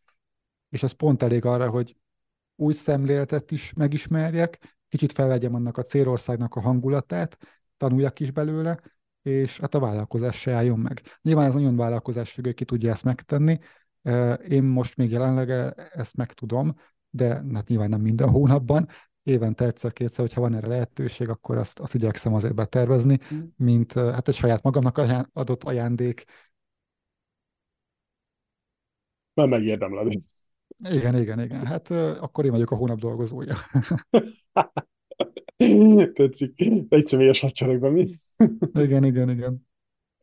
Ez tetszik. No, oké, folytassuk itt a cuccokkal, általános kérdések. Mit gondolsz az AI-ról úgy általánosok, hmm. általában? Van egy szoftverfejlesztésem, ez a másik, ami viszont egy marketing AI asszisztenst fejleszt, és ezt egy webshop platformra hoztuk létre, ez egy pluginként elérhető, azért, mert látom azt, hogy a promptolás azért nagy nehézség sok embernek. Nem mindenki tudja, hogy hogy lehet ezt használni. És ugye a kényelem azért egy olyan szolgáltatás, amit nagyon sokan megfizetnek. Ha egy gombnyomásra megcsinálja nekem az AI azt, amit szeretnék, akkor én azért fizetek. És én ezt a kis piaci próbáltam betölteni, most úgy néz ki, hogy sikeresen, nem régi két-három hónapja működik az alkalmazás, de már van 15 ügyfél, és tervezzük azt, hogy hogy lépjünk egy másik platformra is. Úgyhogy én abszolút látom benne a lehetőséget, szeretnék is vele foglalkozni. Azért kezdtem el ezzel ilyen szoftver szinten gondolkodni, mert egyrészt itt sokkal többet tanulok belőle, róla, hogyha, hogyha ezzel foglalkozok, hogy ezzel kapcsolatos szolgáltatást, szoftvert alkotunk. És uh, szerintem mindenképpen ez a jövő hogyha valaki egy személyes vállalkozó, akkor meg pláne, hiszen ha nem én lennék a hónap dolgozója, akkor a ChatGPT-t küldeném el három-négy hétre nyaralni, vagy pihenni, hiszen nagyon jó munkát végez, és nagyon meg tudja gyorsítani egy egyszemélyes vállalkozónak az életét. Ha viszont azt nézem, hogy egy ügynökség mekkora lehetőséget uh, aknázhat ki, hogyha, hogyha felvesz egy olyan embert, aki csak ezzel foglalkozik, az is félelmetes. Én most ugye csak az egyszemélyes vállalkozás szempontjából látom még ezt a kérdést, de hogyha nagyobb cég lennék, akkor én hát megmozgósítanék egy pár követ annak érdekében, hogy hogy tudnám az AI-t leginkább hasznosítani a cég életében. Nagyon meg fogja gyorsítani szerintem a, a dolgokat, és nagyon hatékonyá, költséghatékonyá fogja tudni tenni a, a vállalkozás egyes folyamatait. Igen, bizony. Nagy, nagy lehetőség van benne. Úgy Ez most történik előttünk, úgyhogy ha valaki ezt most így elengedi, vagy, vagy mondhatni nem foglalkozik vele, akkor, akkor szerintem nagyon fogja bánni. Érdemes legalább megtanulni használni, tudni, hogy miről van szó, ha nem is ül rá feltétlenül az ember egy, egy szoftverrel erre a piacra, de tisztában kell ezzel lenni, mert ez most történik, és ez nagyon sokáig velünk lesz még. Igen, bizony.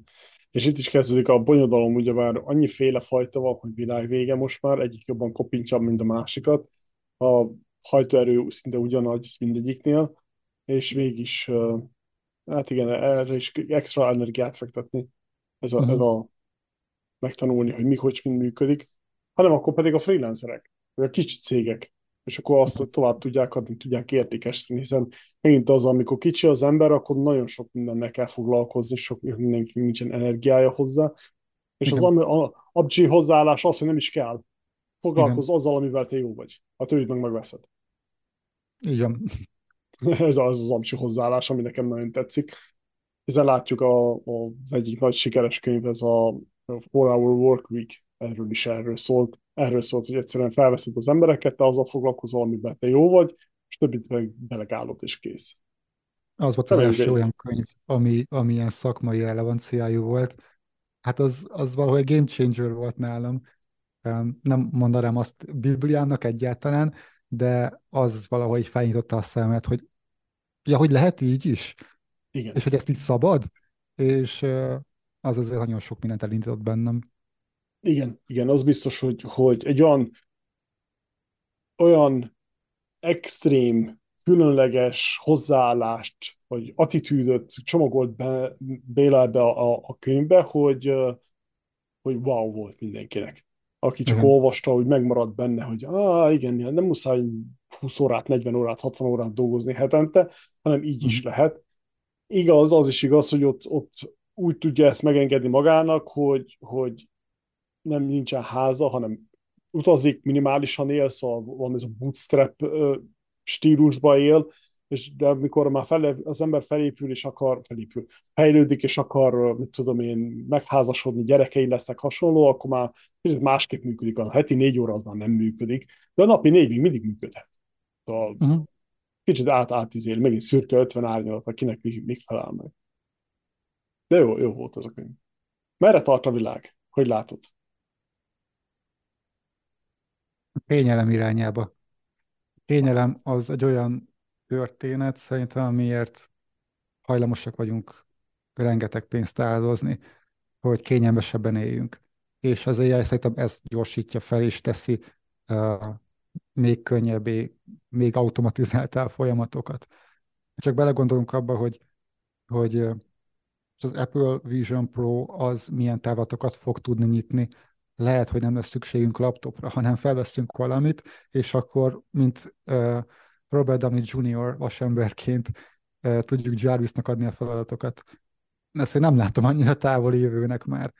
De a másik véglet pedig az, mi másik filmes hivatkozás lesz akkor, ami a Ready Player van, ott hasonló virtuális valóság szemüveget felvéve, ugye egy MMORPG-ben élték az emberek a, a, az életük nagy százalékát egy játékban, egy virtuális világban. Akár ez egy posztapokaliptikus kifutása is lehet ennek az egész történetnek.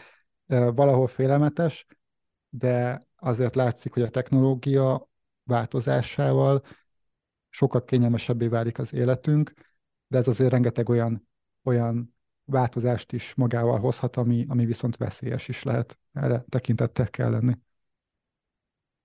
Igen, az biztos. Igen, érdekes volt, hogy ezt mondtad, ezt a kényelem. Én azt látom, hogy, hogy a kényelem mindennek áll.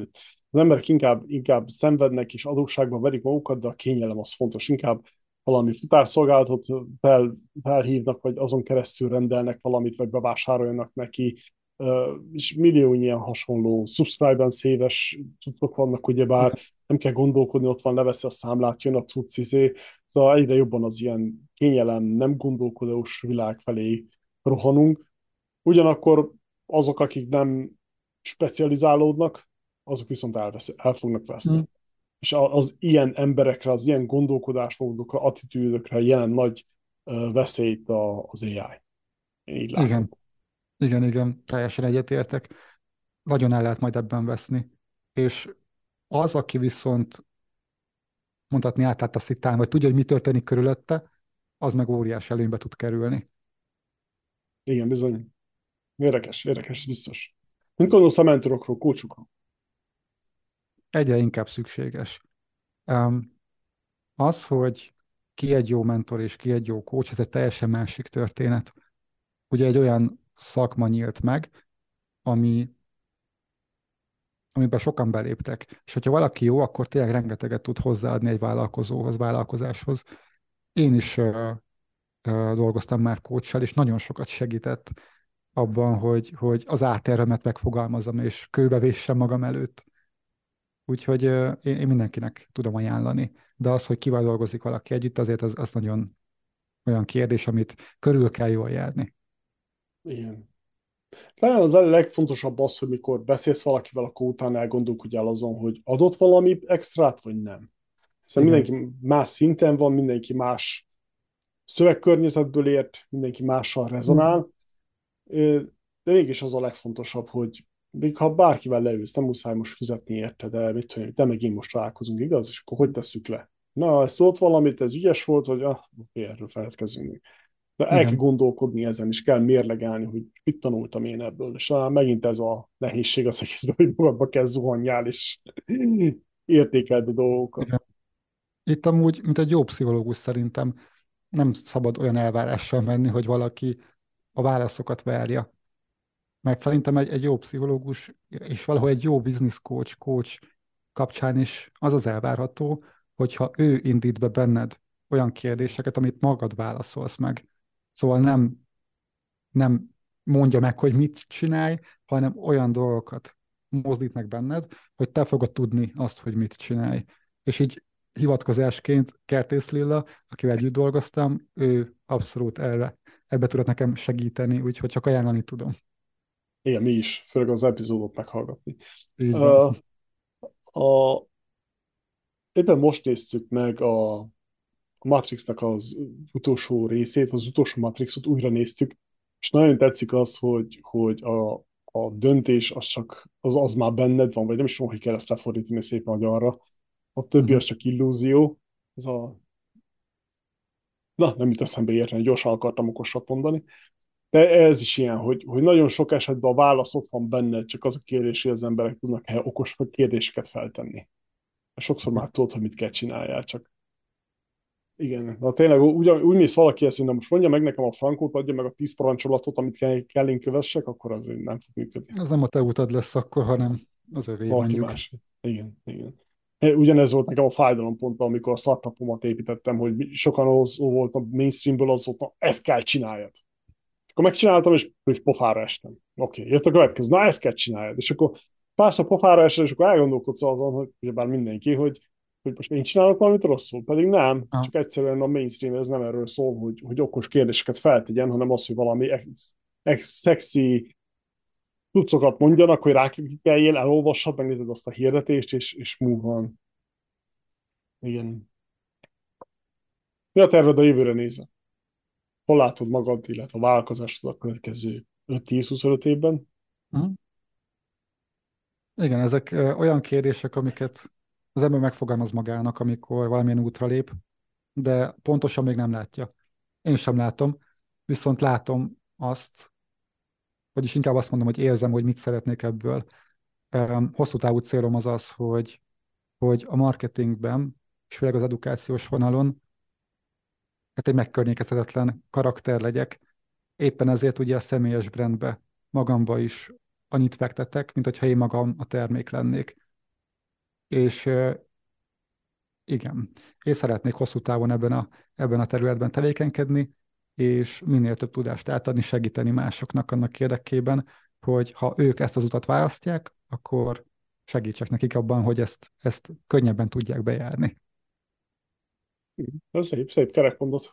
Tetszik. Viszont van egy olyan irányvonalam is, hogy vonzanak a segítő szakmák, úgyhogy ha esetleg már elég érett leszek ahhoz, akkor nem csak oktatói minőségben szeretnék majd segíteni másoknak. Ez egy nagyon-nagyon hosszú távú cél, még én is élelem magamban a gondolatot, de el tudom képzelni ezt az irányvonalat is majd mondjuk kétszer ilyen idősen.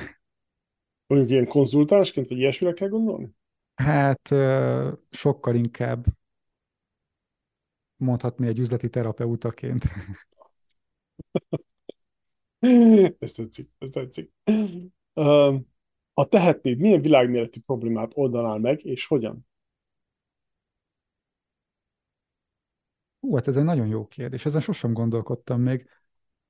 Most ugye lehetne mondani a világbékét, éhínséget, de talán ami így releváns is a beszélgetést tekintve, az az, hogy mindenki nulláról tudjon indulni, nem mínuszról. Hogyha mindenki azonos feltétellel tudna indulni az életben, akkor ugye mindenki egy, egy pontból indulva tudja elérni azt, amit szeretne. És én ezt a felzárkóztatást szeretném valahogy megoldani a világban, hogy mindenkinek azonos lehetősége és perspektívája legyen az életre, életre nézve. Azt, hogy hogy, ezt én nem tudom megmondani. Egy itt jön a gondolkodásmód, hogy hogyan, ugye bár az, hogy, hogy mindenki akar világbékét, meg háború végét, mm. meg nem tudom micsodát, ez, ez oké, okay, meg éjség, megszüntetni, meg kizsákmányolás, de az, hogy hogyan, az már rendszerben kell gondolkodni, és átlátni. Igen, hát itt a racionális jelen megszólal, hogy akkor olyan rendszerek és infrastruktúra létrehozása, olyan felzárkóztató programok elindítása, de hát ez, ez igen, ez most csak egy hirtelen ötlet, és azokra a válaszok. Ezt hasraütésszerűen meg lehet fogalmazni, de talán nem lenne méltó arra, ami, ami maga a szándék. Hmm. Igen. Villámkérések? Jöhetnek. Csapjunk Kedvenc bele. Köny... Csapjunk. Kedvenc könyved? Kis herceg. Melyik könyv volt a legnagyobb benyomása rád, mint vállalkozó? Mint vállalkozó? Mm, Gál Kristófnak a vállalkozóból vállalkozás. Az, az indította el akkor azt, hogy akkor én elengedjem a a vállalkozói gondolkodást, és akkor vállalkozásként kezdjek gondolkodni, és ezt még mindig tanulom, de ez nagyon nagy hatással volt rám. Melyik bizniszkönyv segítette legjobban a vállalkozásod építésében? Ezt uh, most ilyen ongoing könyvként is olvasom. Ez uh, Expert Secrets Russell Branson-tól, azt hiszem szakértők, hm, nem is tudom, hogy a magyarul fogla, fog, ö, átfogalmazva, Russell Branson Expert Secrets. Ez uh-huh. magyarul is egyébként elérhető. Igen, igen. Na, az is érdekes volt ez a funnel témájával. Így van, így van. Abból sokat lehet igen, igen. De pláne brandépítésben, személyi kultusz kiépítésében, fanbase és egyéb más personal branding téren, ez nagyon-nagyon hasznos könyv. Igen, igen, igen. Uh, kedvenc podcasted, ha hallgatsz podcastet? Szoktam, vegyes vágott. Jelenleg most a Friderikus podcast, az nagyon, nagyon szeretem. Kedvenc business podcasted? Uh-huh. A vállalkozás és pszichológia. Mit hallgatsz, olvasol, nézel Úgy általában mit fogyasztasz? Hát a reggeleket azért a helyi lokálpatrióta srácokkal, a The VR csatornával szoktam kezdeni. VR Pisti és VR Jani és Bazsi szokott reggelente napot indítani nálam, de a fentieket vegyesen. Ezen kívül különböző témában hallgatok podcasteket, ami éppen még, még hozzájön az érdeklődésemhez. Mi az, ami szakmailag most inspirál legjobban? Nekem itt a, a low ticket termékemnek az elindítása, ami ugye a saját video on-demand streaming platform, ez a marketinges Netflix. Itt szeretnék ebbe az irányba nagyon-nagyon sokat, sok perspektívát, sok lehetőséget látok benne, és ez most nagyon-nagyon inspirál. Most pont egyébként ez annyira aktuális kérdés, hogy kb. a, a, a kampánynál a startgombon van a kezem, és most double checkelek mindent, hogy ez jól működik-e, úgyhogy ez most nagyon nagyon-nagyon nagy fontos szerepet tölt be az életemben. Hogyan menedzseled a feszültséget? Meditáció, relaxáció és edzés, sauna. Mi van a zsebedben? Mit hordasz általában magadnál? Hát rengeteg ötletet. Jó, ezt még nem hallottuk. Rendezett vagy rendetlen iroda? Rendezett, rendezett. Mit jelent számodra a pénz? Hát ez, ez biztonság. Mit jelent számodra a siker? Elismerés, elégedettség, akár önmagaddal szemben is.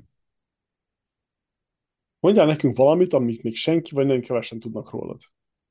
Hú, 197 cm magas vagyok, ezért nem volt szükségem arra, hogy megtanuljak úszni, de 23 évesen tanultam meg úszni ennek ellenére.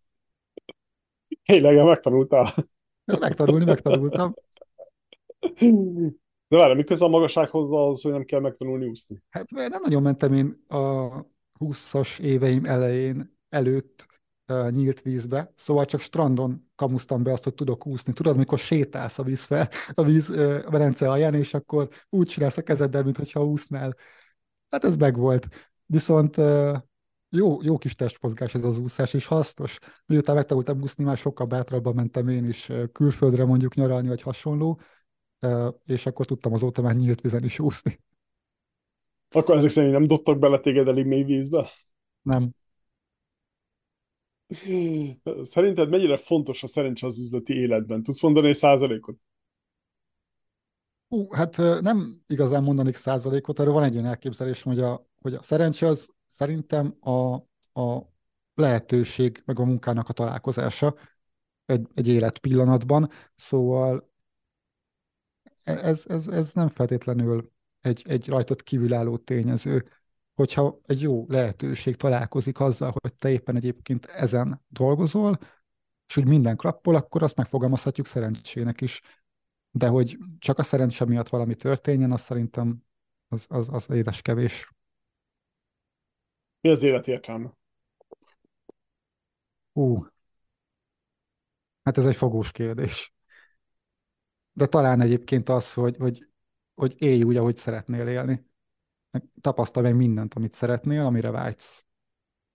Most lehet ez akár szeretet, béke vagy harmónia, bármi, de amit meg tudsz magaddal szemben fogalmazni, hogy, hogy én ezt szeretném az életemben megélni, én ezt szeretném megtapasztalni, akkor, akkor azt éld meg. Szerintem ez valahol az életnek az értelme.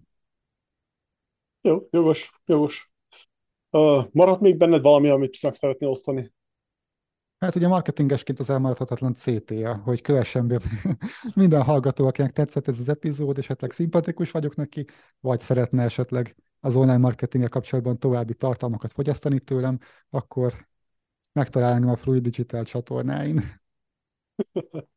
Ez jó hangzik. Kis marketinges csattanó a végére. Hát ez elmaradhatatlan, szerintem már álmomból felkeltve is tudok mondani egy CT-et, akármilyen témát illetően is. Jó, akkor hát úgy kell azt, úgy kell azt, hogyha nem, te, ha te nem, akkor ki? Szóval nem, hogy marketinges, akkor ki? Aki nem látszik, az nem játszik, ahogy szokták mondani. Így van, így van, így van, így van. Jó, köszönjük szépen, elköszönünk, azt utána folytatjuk még. Rendben van. Sziasztok! Sziasztok! A vállalkozásod fejlődéséhez és annak nemzetközi skálázásához minden tudást, mentorálást és kapcsolatot megtalálsz a Skálázás Egyetemén a Magyar Business platformján. A következő élő eseményeinket a főoldalunkon tudod követni, illetve a havi hírlevelünkbe, amire feliratkozhatsz a magyarbusiness.org-on. Ehhez a linket megtalálod a leíratban. Ha kérdésed van, keres minket bátran a honlapunkon, igyekszünk mi hamarabb válaszolni. Vendégeinknek szeretném megköszönni, hogy eljöttek a virtuális stúdiónkba, és engedték, hogy kifagassuk őket. Ezúttal is köszönet a lelkes csapatnak. Regina, Jami, Nasi, Bálint, Gyuri Laci. Hatékony nemzetközi skálázás mindenkinek, egy hét múlva találkozunk ugyanígy.